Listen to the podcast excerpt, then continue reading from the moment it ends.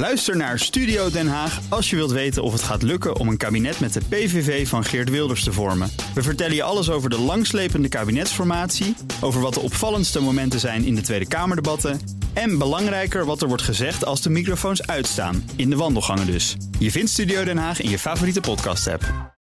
Amerika komt met een nieuw steunpakket voor Oekraïne. Het gaat onder meer om munitie met verarmd uranium, antitankwapens, luchtafweer.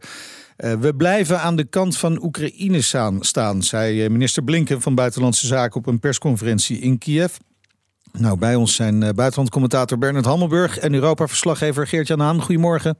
Goedemorgen. Goedemorgen. Ja, Geert-Jan, hier in de studio. Ik begin even bij jou voordat we naar de relatie tussen de twee landen gaan. Eerst de situatie op de grond. Wat, wat is het laatste nieuws? Nou, er is vannacht wel weer wat gebeurd, uh, Meindert. Uh, in uh, Rostov in Rusland, daar is het militaire hoofdkwartier van het zuidelijke militaire district van de Russen. Dat is vannacht aangevallen door Oekraïense drones, zo lijkt het. In ieder geval veel explosies. Nog even afvragen hoe en wat de schade is. Mm. Hetzelfde geldt voor drone-aanvallen op de Donauhavens van Oekraïne. Dat is de vierde keer in vijf dagen tijd. En dat is niet zonder risico dat die graanfaciliteiten daar uh, aangevallen worden. Want na een van die nachtelijke bombardementen zijn er ook brokstukken in Roemenië gevonden. En dat is NAVO-gebied. Nou, Roemenië heeft dat uh, de afgelopen twee dagen eerst uh, stellig ontkend. Ja. Daarna enorm gedownplayed. Dat deed Polen vorig jaar ook al een keer. Ja. En ik zat erover na te denken. Aan de ene kant is het logisch, want je wil niet om deze reden een derde wereldoorlog ontketenen. Aan de andere kant kun je die ontkenningen ook wel een beetje zien als een zwaktebod. Want ja, weet je, je kan toch zeggen: dit hebben de Russen op hun geweten. En pas op Moskou, want we sturen uh, e-tekkens of zo naar Oekraïne ja, ja. als je hiermee doorgaat. Of zeg überhaupt dat het is gebeurd. Want Um, Iwan die hier zit, die is ook handig met, uh, met, met, met social media, mm -hmm. met, uh, met OSINT. Uh, je kan alles checken, alles komt naar buiten tegenwoordig. Ja, uh, Bernard, hoe zie jij dat? Nou, ik ben het helemaal met uh, Geert-Jan eens. Het is uh, de vraag of je er niet gewoon rugbaarheid aan moet geven. Maar ik snap ook wel hun terughoudendheid. Want je zou, als je heel orthodox redeneert, kunnen zeggen: formeel is dit een artikel 5 kwestie.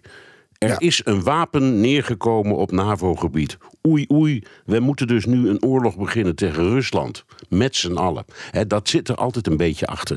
Dus ik denk dat ze die vooral die discussie willen vermijden. Is een stuk van een wapen hetzelfde als een wapen?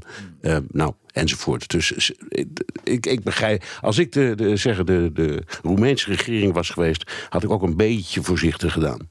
Ja, dus dat is dan wel logisch. Maar ja, aan de andere kant, zoals Geert-Jan zegt, uh, een stevig uh, geluid laten horen. Je hebt ook nog artikel 4. Dit is niet eens artikel ja, 4. Ja, maar artikel, artikel 4 dat betekent, en volgens mij gebeurt dat ook in feite, dat betekent consultaties bij een ernstige situatie. He, dat, zo luidt ja. artikel 4. En dat is mee, dat moet voordat je artikel 5 gebruikt. Dus je kan niet zomaar doen. Je moet eerst bij elkaar komen en erover praten en zeggen: dit is ernstig. Wat gaan we doen? Uh, dat is hier, nou ja. Uh, er is voortdurend NAVO-overleg, ook in Brussel door de ambassadeurs. Maar er is geen, volgens mij is ook geen artikel 4-procedure gestart.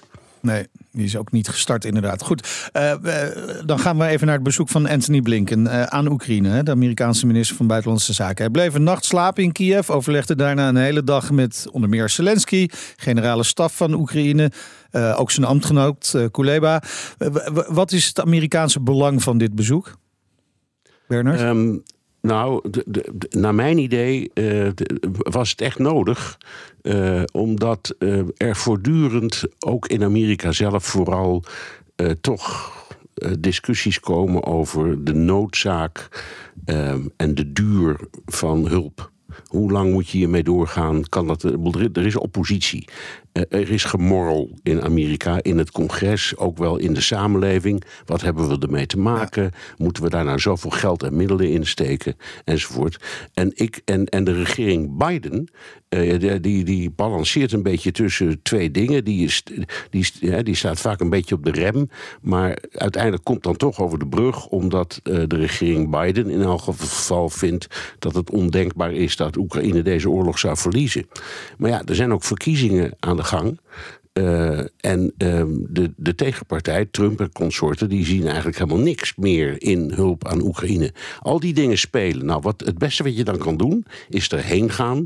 En ook de symboliek is interessant. Hij is daar blijven slapen. Heeft hij nooit eerder gedaan. Er was bovendien ook nog een bombardement.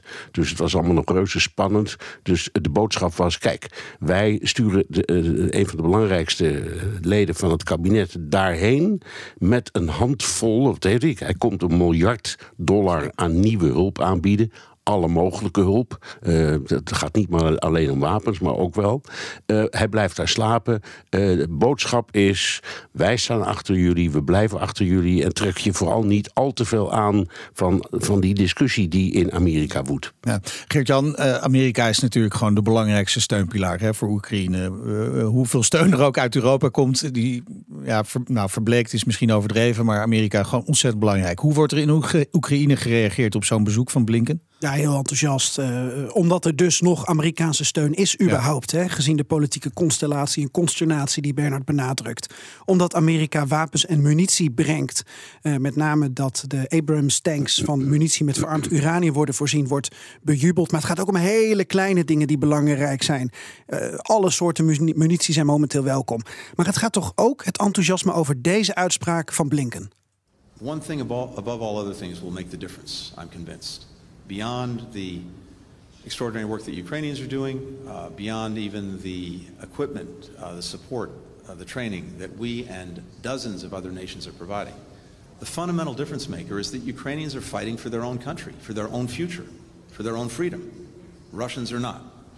And that gives me tremendous confidence that Ukraine will prevail. Ja, Oekraïne put hier hoop uit bij wat ja. Blinken gisteravond zei. Al weten we dat moreel en de wil om te overleven en te winnen zich pas echt uitbetaalt als je ook de middelen hebt om je te verzetten. En gezien de Russische verdedigingslinies op dit moment ligt die lat wel erg hoog. Maar als iets uh, onderschat wordt, is het volgens Blinken dus de wil om te vechten. Ja, en dit geeft natuurlijk heel veel steun. En uh, ook wat trots, uh, ongetwijfeld, bij de Oekraïners. Bernard, is natuurlijk ook wat Amerikaans gemor hè, over de strategie van Oekraïne tijdens het tegenoffensief. waar we nu eigenlijk al maanden mee bezig zijn. Maar, maar tijdens die persconferentie leek Blinken te hinten op succes dat de Oekraïners aan het boeken zijn. hebben ze elkaar misschien wat meer teruggevonden? Ik, ik denk het wel. er kwam, Geert Jan en ik hadden het daar gisteravond laat nog over. ik, ik ik vond de allerinteressantste vraag op die persconferentie een van de Wall Street Journal aan uh, de uh, Oekraïense minister. Namelijk maakte zich zorgen over dat gemor in Amerika. En toen kwam er een, een lang en prachtig antwoord van allebei. Uh, dat, dat ze kunnen blijven rekenen op die steun. Dus het is benoemd en ook beantwoord. Ehm, dus ja, in, in, het is gewoon, na, naar mijn idee, dat was heel verstandig en heel goed dat, dat dit is gebeurd. Ehm, maar je moet ook realistisch zijn, dat gemor is er wel.